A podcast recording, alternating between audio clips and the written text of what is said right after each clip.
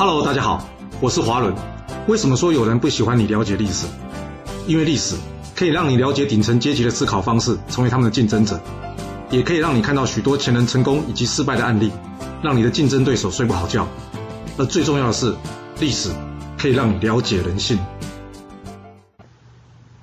我们刚刚在战国第三十六期故事中有讲到蔺相如完璧归赵的故事啊，这应该是个老掉牙的故事了。若是你真没听过，你可以去听听这一集的故事。不过今天要讲是这故事中啊，我觉得最有趣的部分，那就是什么？到底有了这和氏璧啊，是件好事还是坏事？要知道，这和氏璧啊，可是将来会被秦始皇制作成为传国玉玺的无价之宝。拿到这么好的宝贝，当然是好事啊！真的吗？啊，你看看赵国接下来发生什么事，不就知道吗？人家秦国老大哥一听到你有啊，不就摆明来抢了？所以啊。有什么好东西一定要让大家知道吗？知道了，当人家来抢的时候，你是给还是不给啊？给了心痛，不给得罪人家可能更痛。这不就是赵惠文王当时的心境吗？所谓闷声发大财啊，有好的东西啊，除非是至亲好友关心您的人呐，我想最好还是少拿出来献啊，要不然您就要有失去的心理准备啊。好像之前一直听到一些媒体啊或者财经节目说，哎呀，某公司是本地的护国神山呐。那这不就像是把和氏璧拿出来逛大街一样吗？除非你确定没人会来跟你抢，要不然你这说法不是害了自己，也害了这公司吗？你以为东西抢来抢去没有弄坏的风险吗？你有没有想过，今天故事中的蔺相如要是真的失手，一不小心是真的有可能毁掉这和氏璧的。当然了，我相信一开始大家整天把这公司挂在嘴上说他是护国神山的时候啊，是没有恶意的。但是要是大家读过这段历史，就会知道，你真的爱他，就少拿出来谈。然而，不论怎么说，这已经是既定事实啊。那现在人家要抢，你该怎么办呢？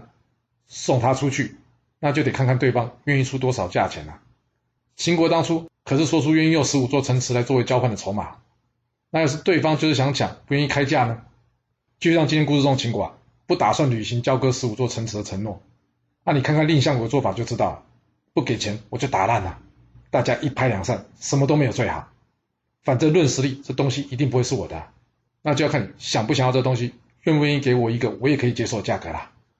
其实啊，这是很典型的谈判技巧，那就是谁会痛谁买单，或是谁会趋于下风啊。